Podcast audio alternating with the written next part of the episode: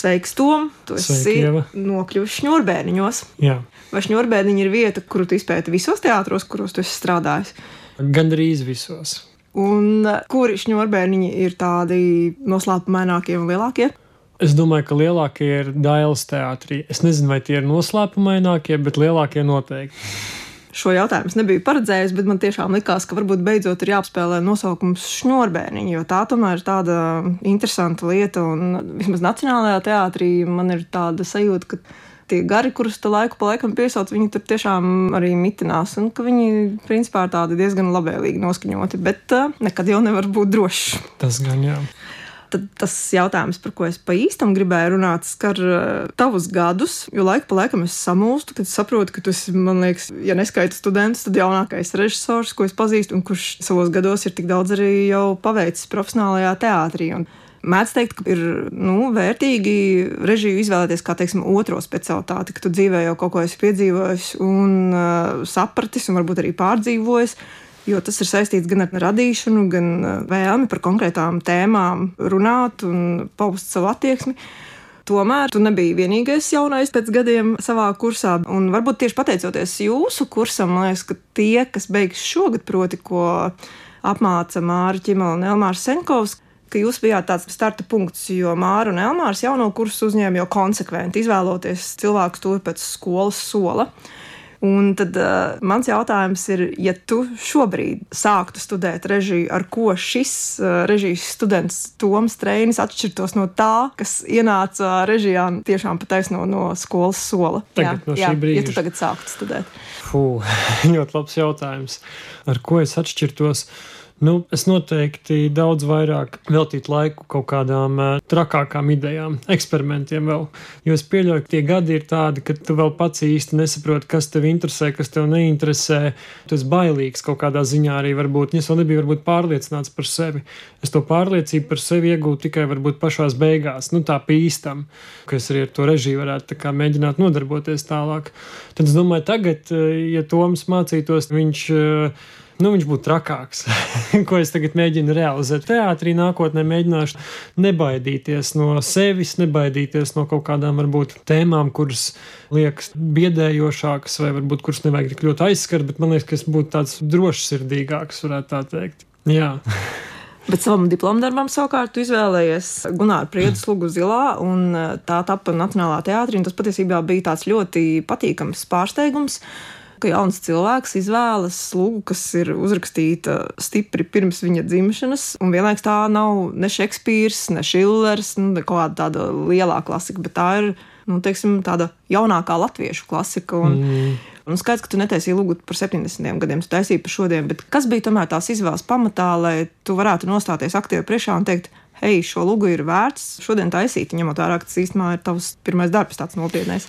Jā, par šo jautājumu atbildot, man ir piebilde arī, ka bieži vien es dzirdu, ka vajag ņemt kaut ko tādu, kas ir mūsdienu dramaturgija, vai kas ir tagad sarakstīts, vai tur Anglijā, vai pieņemsim tur Francijas kaut kādu jaunu dramaturgiju, nu, tādam līdzīgi. Un tad ar to zilo, piemēram, ar Gunāru Priedes arī toreiz jau, un tagad arī ar pēdējo darbu esmu sapratis to, ka nav vienmēr jāņem kaut kas tāds, kas, teiksim, ir kaut kur ārprātīgi ieguvis aktualitāti, un tagad mēģināt to aktualitāti uzspiest cilvēkiem šeit, Latvijā. Un tā ir tā lieta, kas man, piemēram, Gunārā Priedē un Leldē Stumbrē ļoti patīk, ka tās lūgas, kuras ir sarakstītas padomju savienības tajā perioda beigās pašās, tur jau ir tā dzīves ziņa, es nezinu, tāda jauna latviešu cilvēka tāda ziņa. Un man šķiet, ka tā jau ir tā īstā aktualitāte, par ko man liekas, ka vajag arī runāt, jo mēs jau no savas kaut kādas identitātes nevaram aizbēgt. Un tāpat arī es pats no sevis nevaru izlikties par kaut ko citu. Man ir jārunā par to, kas es esmu kaut kādā ziņā un kas man ir tuvs un sāpīgs. Varbūt tā varētu atbildēt uz to jautājumu. Un tā ir tā lieta, kas man Gunārā priedē toreiz ārkārtīgi iepatikās, jo stāsts ir par Jūri, par jaunu puisi, kurš ir cietis autoavārijā un, un tagad ir rehabilitācijā Gruzijā, Gagrā. Tad man tas stāsts par to, ka tas nebija ne par viņu kaut kādu patoloģiju vai tam līdzīgi, bet ka viņš principā sāk dzīvot no jauna. Un tas bija arī man tādā ziņā, ka es pabeidzu skolu un, un es sapratu, ka tagad sākās cits posms manā dzīvēm Tas arī ir kaut kāds jauns sākums, un tad kaut kā es ļoti veiksmīgi, manuprāt, vienkārši pats kā Toms saslēdzos ar to materiālu, un man šķiet arī ar Gunāru Priedu. Un, Man bieži taisot to darbu, man vajadzēja tikai apskatīties Gunārs Priedes fotografijas. tad es sapratu, ah, es redzu to dzīvo cilvēku, un tas ir tā, it kā viņš man stāstītu šo lugu. Un tur ir kaut kas tāds ļoti interesants.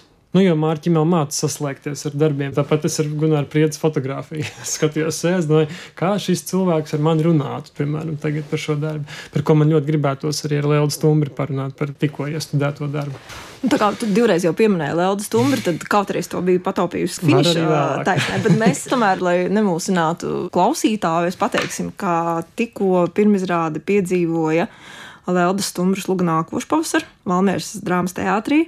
Un eh, šī izrāde guva tādu tiešām mm, mazās, šaurās publikas, tātad kolēģu un piesaistītu teātrim cilvēku atzinību, kas ir, protams, ļoti jauki. Bet eh, kāpēc man liktos būtiski arī runāt par nākošu pavasaru, proti, šī luga Valmērs teātrī piedzīvoja savu pirmo studējumu, tad, kad tā tika uzrakstīta, un to iestudēja tava skolotāja Mārķa Čimele. Un tad uh, man šķiet, ka, nu, ja tu iestudētu kādu no Čehova lugām, tad, principā, jebkuram cilvēkam, uh, protams, viņam ir viedoklis, jo viņš var salīdzināt ar kādu pirms tam redzētu, un ir izvēle, nu, vai salīdzināt ar, nezinu, latviešu Čehova iestudējumiem vai ārpus Latvijas redzētu darbu iestudējumiem, bet šajā gadījumā ir tieši viens iestudējums profesionālā teātrī Māras Čimeles. Un, eh, ja vien tu esi nodzīvojis šajā saulē mazliet ilgāk par 30 gadiem, tad eh, visticamāk, tev ar šo jau ir kaut kāda saikne vai asociācijas. Un eh, tavā izrādē piedalās aktrise Ines Ramute, kura pirmajā iestudējumā spēlēja galveno jaunās sievietes lomu, ko savukārt tagad spēlē Klinta Reinholda. Kā tas ir strādāt ar aktrisi, kas ir piedzīvojusi šīs lūgas pirmie studējumi? Vai, teiksim, Inesai bija daudz ko tev pastāstīt, vai tas, ko viņa stāstīja par ķimās izrādi, tev vispār jebkā noderēja? Ines vispār ir brīnišķīga aktrise. Tajos brīžos, kad es ļoti šaubījos, vai es nezināju, ko varbūt kaut kādā attiecīgā epizodē darīt, kā to uztvert, viņa vienmēr tā nemanām kaut kur nokomentēja, kas viņai nāk atblāzma no tās izrādes tā, ah, labi, interesanti, jā, nu, kaut ko tādu. Bet viņa nevienā brīdī neuzsvēra. Toreiz bija tā, tas nevienā mirklī nenotika. Un es atceros, pirmais mēģinājums mums bija lasījums nākošais pavasarī, un Inês eh, izlasījām lūgu, un Inês teica, nu, te viss būs baigi labi. tā arī pateica. Nu, tas tā ļoti forši un ar Klintu. Tur es nezinu, kā viņu starpā tā komunikācija notika, bet man jau šķiet, tas, tas nav nekas apgrūtinošs, ka tavā darbā piedalās kāds aktieris, kurš jau ir spēlējis to materiālu. Viņa ļoti nu, uzticējās, man liekas, un man ārkārtīgi patika arī, ka viņa kaut ko pastāstīja par māras iestudēm, bet nevienā brīdī neko tā kā neuzspiežot, vienkārši tā apmēram, kā tur bija to, ko viņa atcerējās. Toreiz tā luga savu aktualitāti ieguva tieši tālāk, ka tas bija 88. gads atmoda, un ļoti daudzi cilvēki gan atguva savus lauka īpašumus, gan bija šī mazliet ideālistiskā izjūta, ka Latvija varētu atgriezties kaut kādā nozīmē pie tādas agrāras valsts nezinu, vai statusa, vai vismaz situācijas, kad teiksim, ļoti liela cilvēku daļa savu pamatdarbu veids laukos šais 30 gados ir eh, manā uzturē tā galvenā izmaiņa tāda, ka tu principā šobrīd tiešām vari dzīvot laukos, ja tu to vēlēsies, jo tās modernās tehnoloģijas tev atļauj lielu daļu pilsētas darbu veikt attālināti, un tas nav saistīts tikai ar Covid. Kas ir tās tēmas vai aktuālais, ko tu saredzi šai dilemā starp pilsētu un laukiem šodien strādājot ar tādu materiālu, Valmēras teātrī, jo ar visām simpātijām pret lūgu man liekas, ka tā arī patiešām ir tāda reģionālā teātra lūga, jo Jo Rīgā šo dilemmu, nu, principā, tu kā varētu uzstādīt kā problēmu. Nu, vai nevajadzētu mums visiem tagad braukt ārpus Rīgas un tur dzīvot, bet uh, es pieņemu, ka tā auditorija, nu, varbūt viņiem tā būtu svešāka tēma, bet, uh, man liekas, Valmieras teātrī viņi ir kā kuloks uz acis kaut kādā nozīmē. Jā, noteikti. Tad, kad es izvēlējos šo materiālu, es domāju par teātru, kurā es to iestudēju un kāpēc es to iestudēju. Bet atbildot uz jautājumu par to dilemmu starp pilsētu un dzīvi laukos vai ārpus pilsētas, tad, manuprāt, tā gan ir aktuāla, jo es pats esmu personīgi ļoti daudz domājis par to, ka nu, esmu rīznieks, nu ne pašā centrā, bet teorētiski dzīvoju Rīgā. Tad es esmu par to domājis, ka, ah, nu redz, kā varbūt jāsāk dzīve prom no pilsētas jo man šķiet, ka tur ir kaut kādi savi plusi, tur ir ieguvumi. Un uh, man tāpēc tā tēma kļuva ļoti aktuāla, tāpēc, ka es sapratu, ka tādu dzīvi laukos, lugā ir tāds teikums, ka tāda skaista dzīve laukos rāda tikai filmās. Un rasciņā jau patiesība arī ir. Jo tad, kad esmu bijis vienmēr pie saviem draugiem vai pie ģimenes tur radiniekiem laukos, tad vienmēr tie ir cilvēki, kuri ir labi situēti. Un viņu lauku mājas, nu, tās vairs nav lauku mājas. un tas, kas ir, manuprāt, tiem jauniem cilvēkiem, kur bieži vien pārvācās uz laukiem dzīvot, tā realitāte ir ārkārtīgi skarba. Nu, atliek paskatīties raidījums provinces, piemēram. nu, es ļoti daudz skatījos un pētīju, un, un tur ir savi iegūmi, bet tas ir tiešām fiziski smags darbs. Citādāk ir stāsts par tiem, kas var tiešām atļauties strādāt attālināti un pelnīt eh, iztiku tādā veidā un atrasties jebkurā vietā. Bet stāsts šeit šoreiz gadījumā ir par cilvēkiem, kur nevar to darīt, un, un tad man likās, ka tā lauka tēma ir ļoti interesanta tieši tajā ziņā, ka tagad ir tāds trends patiesībā starp jauniešiem. Ļoti daudz ir arī iet Instagramā un paskatīties mazos stāstus par to, kā dzīvo laukos, turīgi rīdzinieki. Bet tā lauku dzīve patiesībā, jā, man pašam ar tas bija liels atklājums taisot šo darbu tieši. Jo es pirms tam arī dzīvoju stereotipos par to, kāda varētu būt dzīve laukos, tad te es sapratu, ka nu, tas man liela pateicība Lieldies Stumbrē, ka viņi tā diezgan reāli notvēra uz to sajūtu, man šķiet. Nu, visa tā tuvošanās dabai, vēlme pēc savas saimniecības, pēc, nezinu, tur upes, ezera. Nu, tā ir tiešām tāda lauka romantika, bet tā romantika prasa ļoti smagu darbu. Jā, ļoti smagu. Tieši, kad uznāca pirmais pandēmijas vilnis, es daudz braucu uz dabas takām, vis kaut kur, un, un es sapratu, tā, kur daba, cik viņa ir skaista un interesanta, un cik būtu forši būt katru dienu ar viņu tādā kontaktā. Bet tad tur ir baigais skarbums klāt arī tādā dzīves ziņā. Jā. Nu, kurš stiprāks? Cilvēks kā radības kronis vai tomēr daba? Es uzskatu, ka cilvēks ir uzkundzējies kā kronis, bet daba ir noteikti. Nu, ja, teiksim, Rīga izmirtu, nu, kas iespējams notiks kaut kādā nākotnē, tad eh, principā paies daži gadi un augs koka visur. To pat zinātnieki stāsta, ka tā ir daba ļoti ātri pārņemt cilvēku radīto patiesībā. To pat nevajag skatīties kaut kādā utopiskā nākotnē, to tur redz vecās pamestās rūpnīcās, piemēram.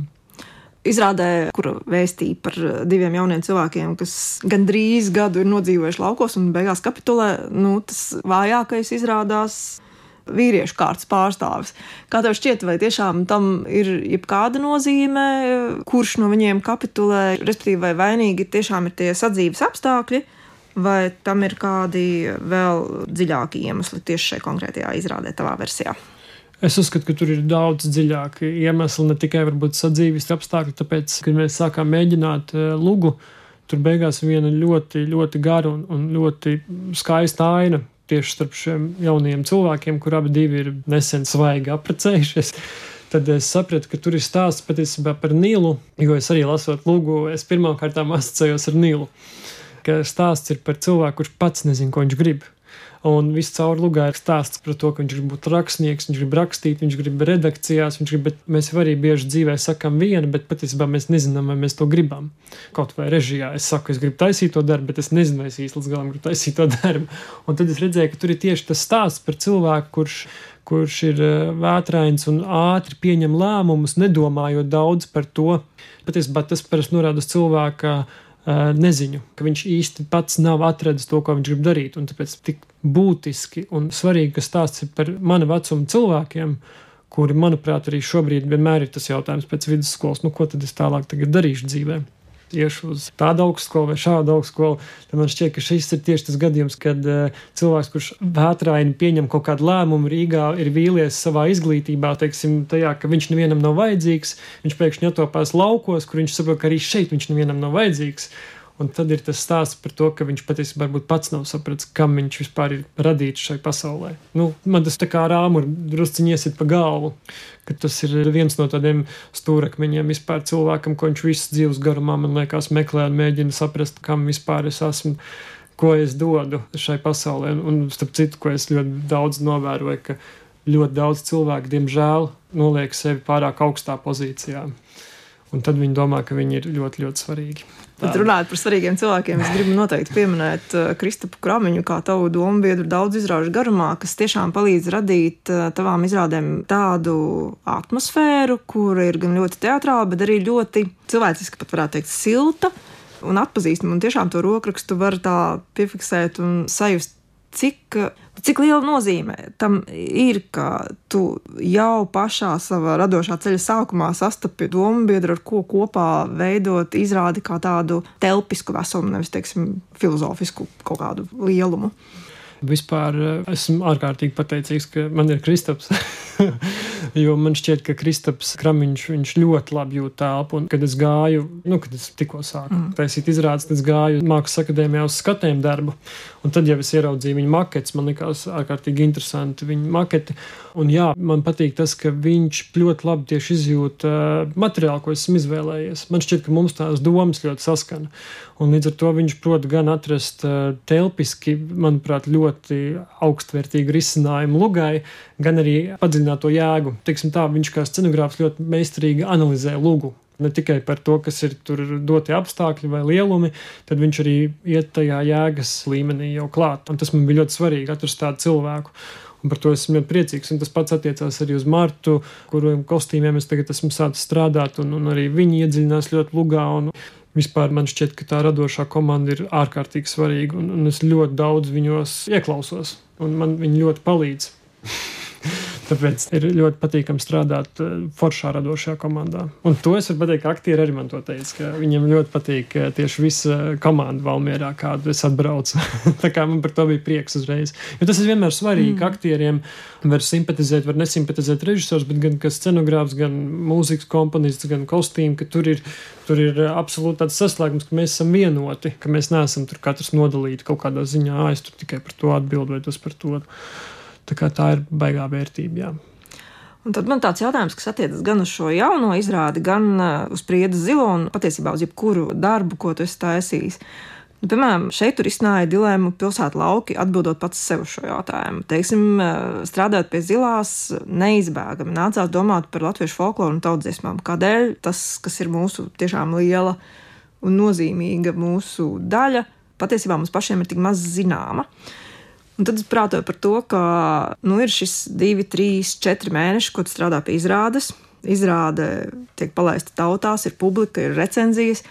Bet kas režisorā nosēžas viņa tālākajai dzīvē no šīm tēmām, kuras tu esi tomēr ilgstošā tādā periodā risinājis?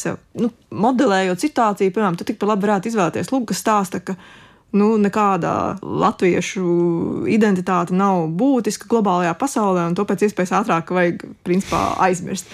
Kā tas korelē ar to, ka pirms tam es nodarbojos tieši ar pretēju rakstura pārdomām, kas paliek pāri pēc izrādēm? Nu, tā ir sajūta drīzāk, es varētu teikt. Es nevaru tā varbūt to teorētiski aprakstīt, bet, piemēram, ar zilo bija tas, ka es atklāju, kā neiroķirurgs smadzenēs atklāja veselu daivu latviešos vēl vienu, ko es nebiju sapratis pirms tam. Tā folklora ir tā mītiskā puse, kas man ārkārtīgi likās interesanta, ārkārtīgi spēcīga, un to saprotam tikai un vienīgi mēs. Tas pats arī drusciņi ir šī darbā, kad uh, tas materiāls, kas ir uzrakstīts, ka to iestudējam tikai mēs, un kaut kādā ziņā to saprotam tikai mēs, latvieši. Nu, it kā jā, var to saprast to citur pasaulē vai tam līdzīgi, bet man tas atlikums pēc tam izrādēm vienmēr ir, nu, esam kaut ko jaunu atklājis, vai ne jau visam ir jābūt tur praktiskam ikdienā izmantojamām lietām, bet tās ir kaut kādas tēmas, kuras man nosēžās manā zemapziņā, un tad es vienkārši tālāk, nākotnē domājot, jau es viņus varu pētīt un par tām domāt vēl padziļinātāk. Mazums es varbūt iestudēšu vēl kādu materiālu, kurā būs tieši šī folkloras tēma ļoti aktuāla, vai, teiksim, kaut kāda cilvēka dilemma starp industrializāciju un, un, un kaut kādu. Tad man liekas, ka no tā, ko jau esmu darījis, tas jau kaut kur paliek manī. Un patiesībā sakot, es to arī uztveru vispār kā tādu, nu, kā es dzīvoju savu dzīvi Un tas, ko es atrodu savas dzīves ceļā, pa labi vai pa kreisi, tad tas man vienmēr iet līdzi. Nu, tāda vācēja, kaut kāda daba, tikai ar lugām varbūt. Jo es arī lasu šobrīd, teiksim, mēģinu katru dienu lasu, lasu kaut ko meklēt, tad es laiku kaut ko savācu. Un līdzīgi ir tām darbiem, ko esmu realizējis. Ar katru no viņiem man ir kaut kādas savas attiecības, interesantas. Jā. Pašlaik visi režisori, ar kuriem es esmu runājuši Ņūrbēniņos, principā mūsu sarunas ir bijušas par darbiem, kas par spīti grūtajiem apstākļiem tomēr ir eh, realizējušies. Un tad, runājot ar tevi, es gribu pieskarties vienam darbam, varbūt tādēļ arī, ka tas ir saistīts ar Nacionālo teātru, proti nerealizējies darbs, kurš ir atlikts un pārlikts, tādā, un, atlikts. un pārlikts un atlikts, jā, un cerams, ka nākamā sezona notiks, bet runa ir par Davida Hēra psiholoģisko trilleri un detektīvu Putanī. Jā, es domāju, ka tas darbs realizēsies, bet tas mans jautājums ir no tāda profesionālā viedokļa, kas notiek ar to pārtraukumu. It kā es sācis kaut ko darīt, es par to domāju. Un tas pārtraukums tomēr nu, ir ilgs. Nu, finālā tas būs vairāk kā gadu, un tad nāks pie tā atgriezties. Vai un kas šādās situācijās mainās, teiksim, pat tādā režisora skatījumā vai interpretācijā? Nu, kā tas ir? Jo es zinu, es esmu runājis ar aktieriem. Viņi saka, nu, ja tā izrāde netiek izlaista un tā kā tiek pārtraukta, sākas kaut kāds cits darbs, tas mazliet ir, nu, kā lai pasaka, neļaut bērnam piedzimt. Tu kā tik ilgi mēģinājis, nebija, bet tomēr tas pārtraukums ir. Kā tos galus var sasiet kopā? Varbūt šī gadījumā ar, ar Davidu Herlugu patiesībā mums pat ir nedaudz paveicies, ka tā izrāde netiek tagad taisīta šī pavasara periodā, kur iespējams varbūt teātris vispār neatverās. Mēs uztaisām šo izrādi, visi aiziet atvaļinājumā un par to iesākšanu, pārtraukšanu ir ļoti labi, ka, teiksim, Valmjerā mēs šo izrādi spēlējam reizi mēnesī. Nu, es aizbraucu uz Valmjeru, mēs, teiksim, to izrādi nofilmējam, saglabājam arhīvam, atnāk varbūt kāds teātris darbinieks, viens vai divi, kur vēl nav redzējuši. Man bija visgrūtāk tieši tad, kad notika tā nosacītā nodošanas izrāde, un tev likās, ka vajag būt tām trim izrādēm. Bet, ja godīgi, man šķiet visgrūtāk tagad runājot arī ar saviem draugiem un kursabiedriem citos teātros, kur strādā un strādā daudz. Ir šausmīgi grūti aktierim tieši psiholoģiski izturēt šo posmu, jo viņam tomēr vajag skatītāja to atgriezenisko saiti. Es, protams, iedomājos sev kā aktierim, ja man būtu, tiksim, četros darbos jāpiedalās, un es neieraudzītu skatītāju. Man ir šausmīgi grūti. Es kā esmu kaut ko pabeidzis, kaut kas tā kā ir, bet es pat nezinu, kā tas vispār darbosies, nu, vai tas strādās. Režisoram jau līdzīgi. Tu jau arī uztaisīji izrādi, bet tā izrāde pie īstam jau noslīpējās, kad atnāk skatītājs. Nu, kaut kādā ziņā, kaut kādas detaļas. Bet ir grūti. Ir grūti tas, ka izrādes tiek iesāktas, viņas tiek iesaldētas, viņas tiek atstātas, un tad, kad tu atbrauc, tu redzi, ka tur jau kāds kaut ko ir bijis aizmirsis, un tad tev tam cilvēkam ir jāatgādina kaut kādas nianses un detaļas. Es domāju, ka tas ir sarežģīts posms, un tādā ziņā runājot par Davidu Hēru, kurš tika pārcelts, tad loģiski, ka, teiksim, par materiālu, kurus, teiksim, esmu iesācis taisīt, paspējis nomēģināt nedēļu, bet ļoti intensīvi gatavojies šai sākuma fāzē, jo nu, darbs sākās jau pirms krietni. Tad uh, šī gada laikā es esmu izdzīvojis brīdi, kad man vairs negribās to iestudēt, jo es saprotu, kurš kam tas ir vajadzīgs, kurš to vispār skatīsies, kāda jēga no tā. Tad tu mājās sāc skatīties kaut kādu agatas kristību, tur detektīvus, varbūt ne, vajag to hēru taisīt arī, jo tur tas tomēr vispār cilvēcisks lieta, īpaši, nu, kad runā par mīlestību vai par nāvi, tad ir detektīvs. Tā arī ir vispār cilvēciska lieta, par ko visiem vajag runāt, nu, par kaut kādām nodevībām un tā. Bet tad es saprotu, ka nu, tomēr vienkārši ir jāatbild pašam sev. Es ar Walteru Sīlu nesen tā mums bija laba saruna. Viņam ar tādas pašas pārdomas bija, nu, cik mēs runājam, mēs tā nonācām, ka vienkārši pašam sev jāsaprot, ko tu pats gribi. Un tad es atkal noķēru to sajūtu, ka man gribās to Davidu Hēru taisīt, jo tas ir interesants darbs. Gluži vienkārši tur ir spriedze. Tas, kas bieži vien eh, man kādreiz iztrūks, varbūt teātrī, tur ir tāda spriedze, ka tu īsti nezini, ar ko tas īsti beigsies. Nu, jā, tā varētu teikt par tiem pārtrauktiem, iesāktiem darbiem, bet man šī sezona nav bijusi tā varbūt pati pati pilnākā, kur man būtu ļoti daudz iestudējumu. No vienas puses, varbūt es arī drusciņi par to esmu priecīgs, jo es izjūtu to, kā tas ir, ka tev izrāda uztais un viņi tiek atstāta, un tad tu gaidi. Varbūt labāk, ka tas man ir vienā vai divos teātros, nekā būt tur četros. Bet pēc tam atmēģināt mm. to visu, tas būs briesmīgi. Mm. Jā. Un visbeidzot, savā dzīvē tos savukārt viens ārkārtīgi radošs un pārsteigumiem bagāts periods, par ko es tiešām esmu priecīga. Valmīras teātris direktore Evita Sniedze pilnvaroja, ka es drīkstu to publiski pateikt, ka tu esi noslēdzis līgumu ar Valmīras teātru un tu būsi tu štata režisors, kas sakrīt tiešām ar jauno aktieru ienākšanu teātrī. Nu, man liekas, tas nekas vispār labāks nav iedomājams, kā sākt ar jauniem aktieriem tādu kopīgu ceļu mākslā. Un tiešām cerams, ka vīrs mums visiem to atļaus. Un tad man noslēgumā ir tāds jautājums, kas ir tas, ko tu sev un viņiem jūsu pirmajā tikšanās reizē teici, un ko tu vari publiski no tā atklāt? Ko tu novēlēji sev un viņiem? ļoti labi jautājumi. Jau vispār viss tas laiks, tā sačakarējas komunikācija ar cilvēkiem, ka, protams, esmu redzējis viņu varbūt darbus, bet nu ne visus viņu darbus.